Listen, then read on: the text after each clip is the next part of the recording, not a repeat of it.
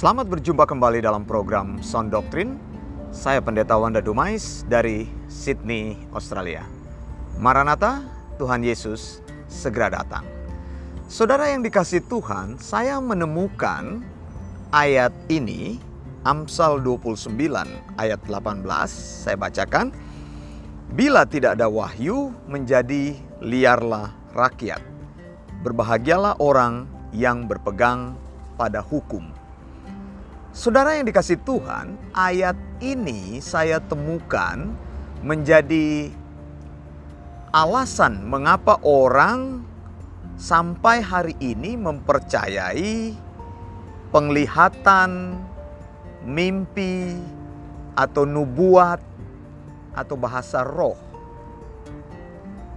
Jadi mereka katakan, mengapa saya masih mempercayai penglihatan atau mimpi atau nubuat atau bahasa roh. Oleh karena kan di Alkitab ada ayatnya pendeta Wanda, Amsal 29 ayat 18 menyatakan bila tidak ada wahyu menjadi liarlah rakyat, berbahagialah orang yang berpegang pada hukum. Jadi mereka katakan, jadi kalau orang tidak memberikan pewahyuan, tidak mendapat penglihatan, maka bagaimana lagi orang tidak akan percaya lagi kepada firman Tuhan. Mereka beralasan seperti itu. Karena itu, ayat-ayat yang berkaitan dengan penglihatan nubuat bahasa roh perlu dibahas, perlu dieksegesis, perlu ditafsirkan dengan baik. Saudara membaca Alkitab itu menegakkan doktrin, menegakkan prinsip pengajaran bukan cuma mencomot-comot ayat. Jadi bukan begitu caranya kita membuat sebuah penafsiran atau sebuah prinsip pengajaran. Jangan mengambil konsep esegesis, yaitu kita sudah punya pikiran Lalu kita mencari ayat-ayat Alkitab untuk mendukung atau membenarkan pendapat kita. Oh, penglihatan itu masih ada buktinya dikatakan bila tidak ada wahyu menjadi liarlah rakyat. Makanya pendeta Wanda kita harus menyatakan pewahyuan demi pewahyuan. Makanya lahirlah nubuat-nubuat, penglihatan-penglihatan ada itu pendeta yang setiap kali bikin status berkhotbah hari ini saudara saya mendengar Roh Kudus bicara kepada saya seperti ini. Hari ini saya melihat bahwa Yesus datang kepada saya dan menyampaikan firman-Nya. Saudara, saya mau katakan sejak Alkitab menjadi kanon, maka pewahyuan secara publik berhenti. Tidak bisa lagi kita katakan saya mendapat wahyu. Kalau engkau mendapat wahyu, maka engkau adalah nabi. Kalau engkau mendapat wahyu, maka engkau adalah rasul. Rasul dan nabi itu menyampaikan firman Tuhan yang Tuhan wahyukan, yang Tuhan ilhamkan. Namanya Theopenustos. Kalau masih ada nabi dan masih ada rasul, maka Alkitab tidak pernah selesai. Akan terus ada firman Tuhan yang baru, akan terus ada pewahyuan yang baru, akan terus ada ilham yang baru. Maka Alkitab tidak pernah selesai-selesai. Ada orang terus yang memunculkan firman Tuhan. Nah, pertanyaannya, bagaimana caranya kita mempercayai firman Tuhan kalau firman Tuhan tidak punya patokan yang jelas? Nah, saudara yang kekasih, kita lihat ayat ini apa yang dikatakan oleh Alkitab Amsal 29 ayat 18. Di dalam bahasa Inggris King James Version bilang, "Where there is no vision, the people perish, but he that keepeth the law, happy is he." Masoretic text berbunyi seperti ini. Jadi bahasa aslinya Alkitab dalam bahasa Ibrani bilang BN kason yi para am wasomer tora asereho. Ada kata yang penting di situ yaitu kata kason. Kata kason itu dari kata dasar kasa. Kason itu artinya vision, oracle, atau profesi. Jadi penglihatan, jadi ada oracle itu orang-orang yang menjadi medium. Orang-orang yang menjadi pengantara, lalu ada profesi. Jadi kata kason itu bicara mengenai divine communication. Jadi arti penglihatan yang Tuhan bicarakan di sini bila tidak ada wahyu di sini, jadi wahyu di sini berhubungan dengan penglihatan. Wahyu di sini berhubungan dengan nubuat, profesi. Wahyu di sini berhubungan dengan oracle. Ada manusia yang menjadi medium, menjadi pengantara di mana nubuat Allah itu perlu disampaikan. Jadi ada channelnya. Nah kalau kita bicara tentang wahyu, wahyu itu dekat dengan vision, penglihatan. Kalau kita bicara tentang wahyu, wahyu itu dekat dengan nubuat. Makanya engkau jangan ngeyel katakan mau bernubuat. Lalu bilang ke saya, Pak Wana nanti nubuatnya kan diuji dengan Alkitab. Bagaimana caranya menguji nubuatmu? kalau Alkitab sendiri sudah tamat, sudah finish. Alkitab tidak akan ditambah lagi. Kalau Alkitab ditambah lagi, maka banyak orang mengaku saya nabi.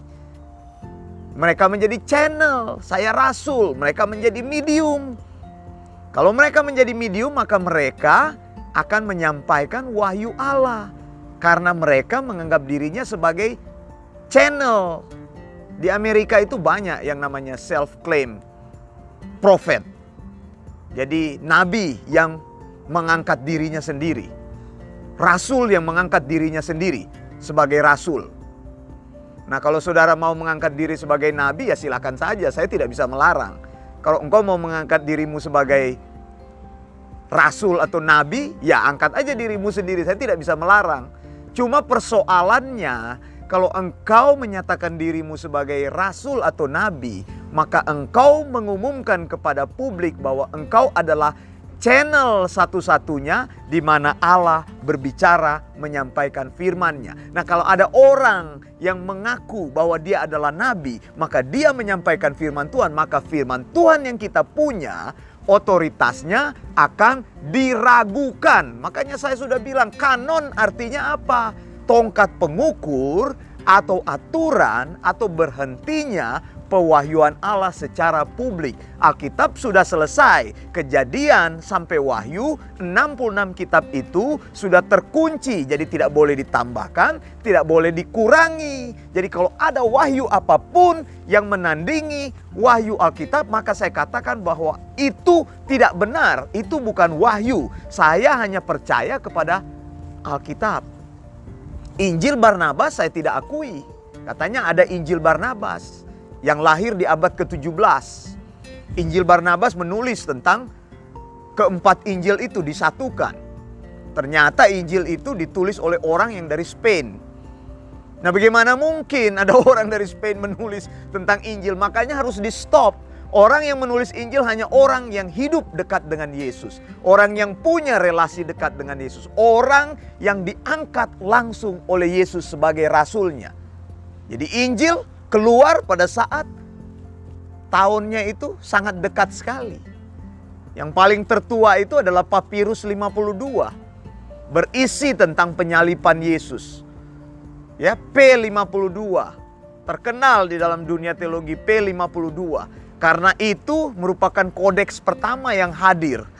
Begitu baru beberapa tahun sejak Yesus mati lalu naik ke surga, kemudian P52 itu sudah hadir dalam bentuk kodeks seperti buku. Begitu. Jadi bukan lahir di abad berikutnya, abad ke-17. Kalau saya melakukan self claim seperti itu, katakanlah Nabi Wanda, lalu saya mengeluarkan buku, engkau mau percaya nggak kepada saya? Mungkin kau katakan, ah enggak pak. Tapi sudah terbukti. Mormon itu punya kitab sendiri yang mereka percayai. Karena pendiri Mormon itu Joseph Smith mengaku bahwa dia adalah orang yang setara dengan nabi-nabi perjanjian lama. Makanya dia katakan dia adalah channel. Dia bisa menyampaikan firman Allah. Nah hati-hati saudara. kata wahyu di dalam Amsal 29 ayat 18 itu adalah kata kason. Kata kason itu bukan hanya berarti wahyu tapi penglihatan. Ya, oracle atau prophecy, divine communication. Jadi kalau engkau berkata engkau mendapat penglihatan, saya mau bilang kepadamu, secara tidak langsung engkau mengangkat dirimu sebagai nabi karena engkau katakan engkau mendapat penglihatan. Kalau engkau katakan engkau mimpi tentang Yesus, maka secara tidak langsung saya mau katakan bahwa engkau itu sudah mengangkat dirimu sebagai rasul. Mimpi tentang Yesus, Yesus yang mana? Saya bilang tahun 300, lukisan tentang Yesus yang pertama kali keluar. Baru diedarkan abad ke-6. Itu bukan lukisan Salvator Mundi, Savior of the World yang saya bilang dilukis uh, Leonardo da Vinci. Leonardo da Vinci melukis Salvator Mundi itu tahun 1500 yang merupakan lukisan yang sangat hidup.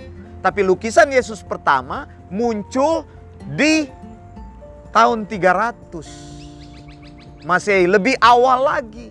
Di tahun 300 saya sudah bilang terjadi penafsiran baru dalam gereja. Persepuluhan mulai muncul yang tadinya tidak ada patung-patung mulai muncul, lukisan-lukisan mulai muncul. Begitu. Padahal image-image itu keluaran 20. Ya. Tuhan katakan tidak boleh membuat image-image seperti itu. Nah, saudara yang dikasihi Tuhan, jadi hati-hati menafsirkan Alkitab itu harus harmonis sesuai dengan keseluruhan kebenaran firman Tuhan. Saya katakan kalau Alkitab itu ajarannya yang diajarkan oleh seseorang bertentangan secara biblical teologi atau sistematik teologi berarti ajaran itu ajaran yang sesat. Nah, Saudara firman Tuhan katakan di sini kalau kita mau baca tanpa vision, tanpa penglihatan, tanpa nubuat, tanpa komunikasi ilahi, maka umat menjadi liar. Mengapa umat menjadi liar? Karena tidak ada firman Tuhan. Orang bertindak sesuka hati pada waktu itu belum ada firman Tuhan yang dituliskan secara lengkap. Begitu.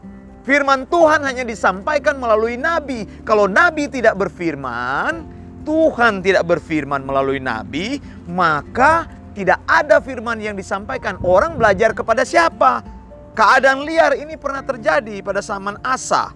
2 Tawarik 15 ayat 3 Lama sekali Israel tanpa Allah yang benar Tanpa ajaran daripada imam Dan tanpa hukum Akibatnya apa? Orang Israel melupakan Allah. Orang Israel tidak punya ajaran, orang Israel tidak punya hukum. Saudara, sekali lagi ajaran, penting ajaran itu. Kalau tidak ada penyampaian firman Tuhan, maka kita tidak tahu kebenaran itu seperti apa. Jadi doktrin itu penting. Dan dalam hal ini dikatakan kalau tidak ada vision. Mengapa tidak ada vision? Karena Tuhan tidak berfirman.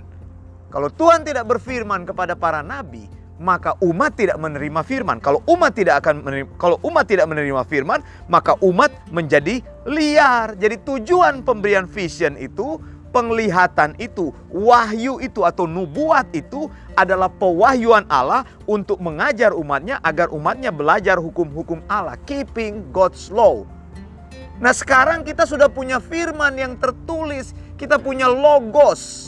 Kata logos itu selalu diterjemahkan firman Allah. Jadi saudara, saya ulangi kalau teologi itu dari dua kata, theos dan logos. Di sekolah teologi kami, Eleos Theological School, saya selalu sampaikan, teologi itu bukan sesuatu yang berat. Teologi itu terdiri dari dua kata, theos dan logos. Kalau kita bicara mengenai teologi, theos dan logos, Berarti yang pertama teosnya itu harus benar dulu. Teos itu adalah Allah. Engkau harus mengakui keberadaan Allah. Allahmu itu siapa? Allah itu harus jelas. Kita tidak membuktikan keberadaan Allah, kita tidak membuktikan siapa itu Allah, tapi kita mengakui keberadaan Allah. Alkitab juga mengakui keberadaan Allah. Jadi teos, Allahmu itu siapa? Kalau Allah yang saya sembah, Allah Abraham, Ishak dan Yakub. Allah yang menyatakan diri di dalam Yesus itu Allah yang kita kenal. Di dunia ini banyak sekali Allah, saudara. Engkau pergi ke Arab, banyak Allah yang disembah di sana. Engkau pergi ke tempat lain, banyak Allah yang disembah. Orang-orang menyembah Allah yang berbeda-beda. Tapi kita sendiri punya Allah yang sudah kita tahu. Allah Alkitab, Allah Abraham, Ishak dan Yakub, Allah yang menyatakan diri dalam Yesus. Lalu logos apa? Kita hanya bisa mengenal Allah di dalam logosnya, di dalam firmannya. Nah kalau firman Allah sudah dinyatakan, kalau firman Allah sudah lengkap, kejadian sampai wahyu, 66 kitab, kita perjanjian lama 39 kitab, kita perjanjian baru 27 kitab. Di kanon artinya itu tongkat pengukur, artinya aturan berhentinya pewahyuan publik. Alkitab adalah wahyu Allah yang absolut, wahyu Allah yang ineran, wahyu Allah yang infallible. Ineran artinya apa? Tidak pernah salah. Infallible artinya apa? Tidak mempunyai peluang untuk menjadi salah. Artinya Alkitab adalah wahyu yang final, absolut mengatur keseluruhan hidup kita. Kalau sudah punya Alkitab, maka kita tidak membutuhkan penglihatan, nubuat atau wahyu atau bahasa roh, semua yang berkaitan dengan hal-hal yang menjadi medium. Saya Pendeta Wanda Dumais dari Sydney, Australia. Maranatha, Tuhan Yesus segera datang. Blessings.